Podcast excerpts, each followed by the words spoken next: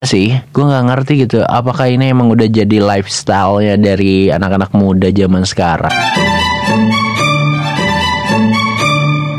Selamat datang di podcast Tuan Fajar. Di podcast kali ini gue mau ngebahas kegiatan dan bukan kesibukan juga sih, tapi kegiatan yang lagi sering banget gue lakuin, yaitu adalah ngopi. Jadi seperti yang mungkin uh, lu semua udah tahu, gue tuh punya salah satu akun di Instagram namanya adalah Tuan Ngopi, di mana itu berisikan uh, review-review, cila.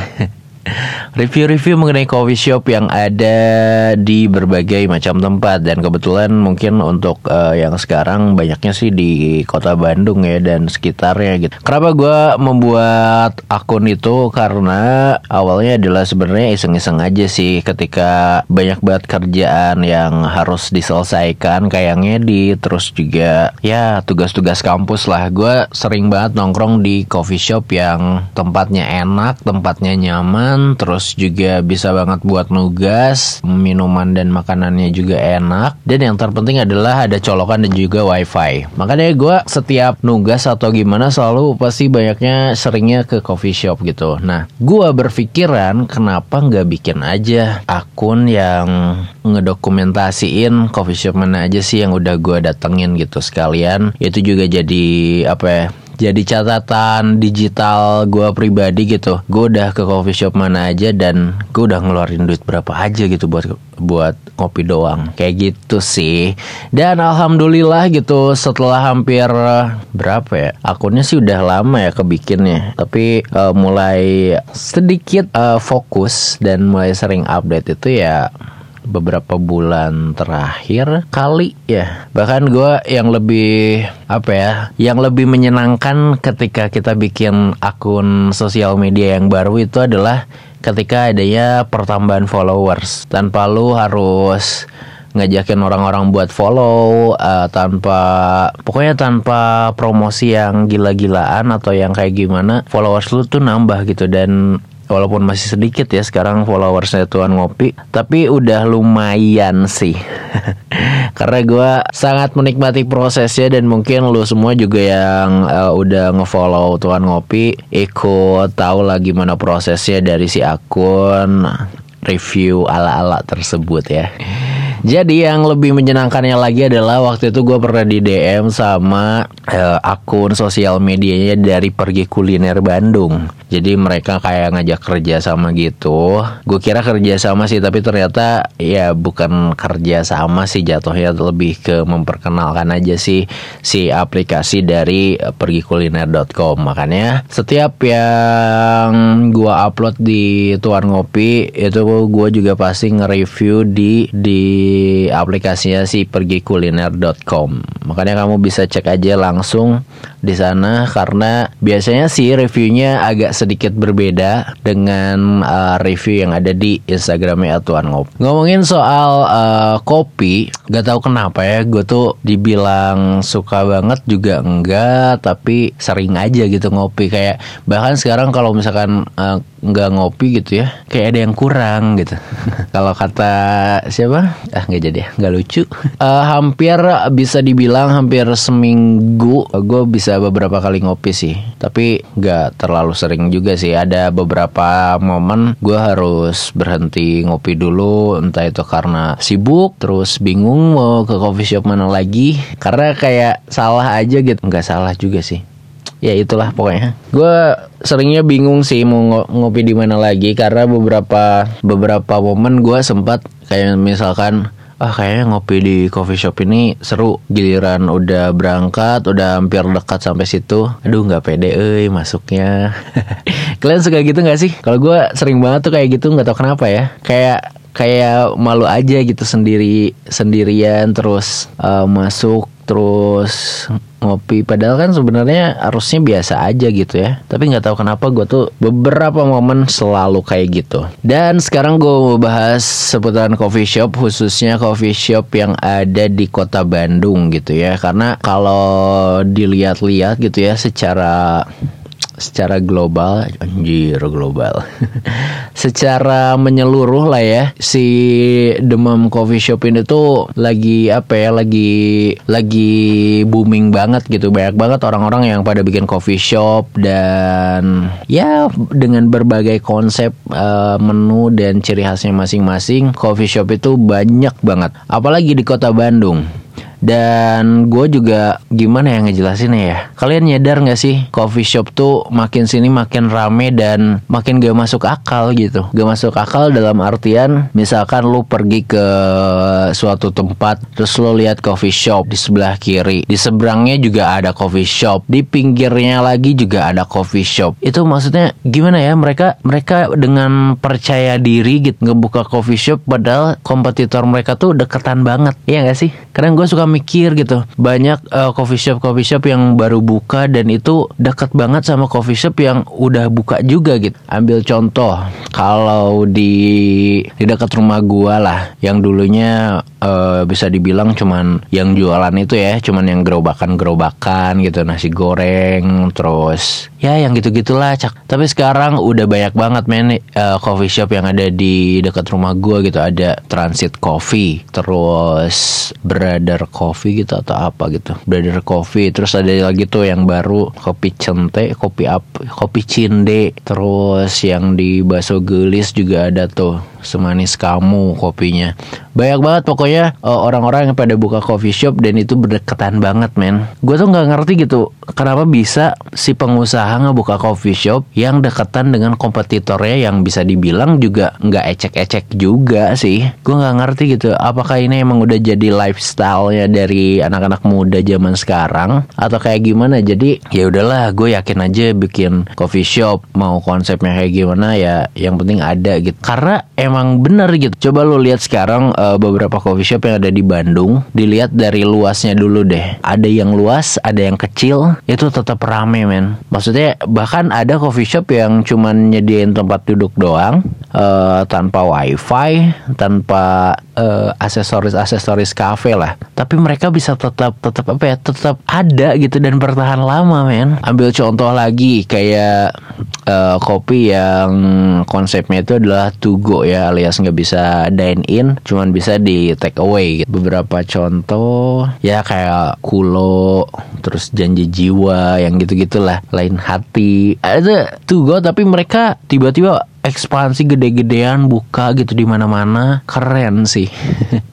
Bahkan mungkin bisa bisa dibilang ya ketika lu jalan misalkan mau ke mana gitu lu pasti uh, minimal nemuin satu coffee shop dari lu ke rumah sampai ke tempat tujuan lo. Gue yakin lu pasti bakalan nemuin satu coffee shop. Kalaupun gak nemuin ya lu berarti belum tahu aja. Padahal di situ ada gitu. Gue sering banget tuh kayak gitu. Misalkan searching di Instagram gitu. Oh ini coffee ini ini ini ini. Walaupun gue nggak tahu gitu tempatnya. Tapi ketika misalkan gue pergi ke mana terus ah cobain lah lewat jalan yang nggak biasa gue laluin. Nemu lah coffee shop. Terus ya gitu gitulah makanya gue nggak ngerti banget gitu kenapa lagi-lagi ya kenapa si para pengusaha ini tuh buka coffee shop yang deketan gitu dengan coffee shop lain? Apakah mereka tidak memikirkan kompetitor atau kayak gimana gitu? Dan bahkan ya secara tempat biasanya kalau orang buka usaha itu cari tempat yang strategis yang uh, banyak dilaluin orang segala macem gitu. Tapi beda dengan konsep di coffee shop walaupun misalkan tempatnya cuma di perumahan yang sepi atau enggak di hutan gitu ada aja yang beli ya kan? Pasti ada aja pelanggan yang yang mereka punya gitu. Jadi secara konsep gitu ya kayak produk place terus apalagi sih? 4P itu promotion dan price ya. Koreksi kalau gue salah. Itu tuh mungkin gak terlalu banget dipikirin di satu P gitu. Pasti mereka ada yang ya udahlah buka dulu aja lah. Yang penting ada tempat kita buka kayak gitu kan. Terus nanti tinggal gimana caranya aja si promosi ini dilakukan dan si usaha ini dijalankan gitu. Dan gue uh, udah beberapa kali ngunjungin coffee shop beberapa coffee shop yang ada di kota Bandung. Dan gue mungkin ya. Uh, ini pandangan gue pribadi sih. Uh, bisa mengambil kesimpulan kalau coffee shop yang bertahan itu adalah bukan yang uh, selalu dengan adanya wifi casan. Emang itu menjadi salah satu poin penting juga gitu. Tapi gimana dengan coffee shop coffee shop kecil yang tetap bertahan gitu? Gue bisa ambil kesimpulan kalau ternyata itu tuh dengan itu tuh bertahan dengan bagaimana konsep yang dibuat ya. Contoh sederhana adalah mengenai penamaan coffee shop. Sekarang banyak banget coffee shop yang nama nama-namanya juga aneh-aneh dan lucu-lucu dan bahkan gak kepikiran gitu. Cuman ada loh coffee shop yang namanya Oh Coffee, OH doang gitu. Terus apalagi ya? Ya yang gitu-gitulah. Cuman kita pinter-pinter ngasih nama doang. Terus bukan nama coffee shopnya doang yang uh, menarik, tapi juga nama-nama menunya. Walaupun sebenarnya rasanya itu juga ya gitu-gitu aja kayak ambil contoh. Es kopi susu gitu. Semua coffee shop pasti punya es kopi susu gitu sekarang. Karena emang si minuman ini tuh lagi nge-hype banget di kalangan anak muda yang eh, nggak uh, terlalu suka kopi tapi pengen ngopi. Jadi es kopi susu adalah solusi gitu kan. Nah, es kopi susu ini juga banyak banget padahal ya secara komposisi dari bahan-bahan cuman kopi, susu sama gula atau enggak gula aren gitu kan. Secara basic sih gitu-gitu aja gitu kopi shop eh kopi shop. Es kopi susu gitu. Cuman yang jadi pembeda adalah dari penamaan gitu. Kayak misalkan uh, si si Kozi punya kosangsu kopi pisang susu pakai essence pisang gitu. Terus juga ada apa lagi ya? Hmm, kalau abnormal si Eko. Pokoknya nama-nama yang aneh tuh gue yakin bakalan terngiang teringat. Dan walaupun rasanya biasa aja tapi setidaknya si namanya ini tuh udah melekat di pikiran gitu. Jadi kalau lo bingung mau pesan kopi apa pasti yang diingatnya itu adalah yang itu dulu. Kayak gitu ya. Terus juga banyaklah uh, beberapa faktor yang bisa ngebuat orang balik lagi ke coffee shop itu selain dari suasana, dari fasilitas yang disediain. Ini yang paling penting juga sih karena uh, banyak banget kedai kopi atau coffee shop yang ada ada meja gitu ya, kayak ada tempat duduk, tapi si tempat duduknya itu diisinya sama barista, barista atau pegawai-pegawai di sana yang gua pribadi ya, ketika mau datang ke coffee shop itu terus ngelihat kayak gitu, jadi malas men. Sering banget tuh gua kayak gitu, kayak misalkan udah ah pergi ke tempat ini, pas sudah sampai tempat depan wih rame. Tapi ramenya tuh kayak yang pada duduk tuh saling kenal gitu loh. Ya lu ngerti lah. Jadi makanya gue gue aduh kayak nggak nggak ke sini dulu deh. Cabut lagi lah di mana gitu Makanya buat para barista dan juga coffee shop yang ada di kota Bandung uh, hal itu mungkin bisa agak sedikit dihindarin ya. Terus juga perihal air mineral gitu. Karena gue pernah ya, gue pernah lagi ngopi di salah satu coffee shop di Bandung. Terus gue bawa tumbler yang isinya air mineral. Terus gue minum, gue ditegur sama si uh, pegawainya, sama si baristanya lah. Katanya nggak boleh bawa minuman uh, dan makanan dari dari luar gitu. Oke okay lah gue ng ngakuin itu salah gitu ya dan gue uh, menghargai mereka gitu. Cuman yang gue nggak ngerti adalah ketika si tumbler gue disita terus disimpan di bar ya terus gue lihat menunya yang ada di coffee shop itu ternyata tidak ada air mineral. Terus juga tidak disediakan air mineral. Kan biasa kalau di coffee shop coffee shop lain tuh suka ada tuh air mineral gratis gitu ya. Kalau walaupun gak gratis juga ya mereka jualan air mineral. Tapi ini nggak nggak jualan nggak nggak nyediain terus disita. Padahal cuman air mineral. Kalau menurut gue sih itu agak kurang ini sih. Walaupun gue menghargai gitu ya entah itu berpengaruh sehingga tidak beli minuman dan makanan di situ gitu. Padahal kan gue juga beli juga gitu di situ ya. Cuman air mineral doang kagak ada gitu. Ya segitulah.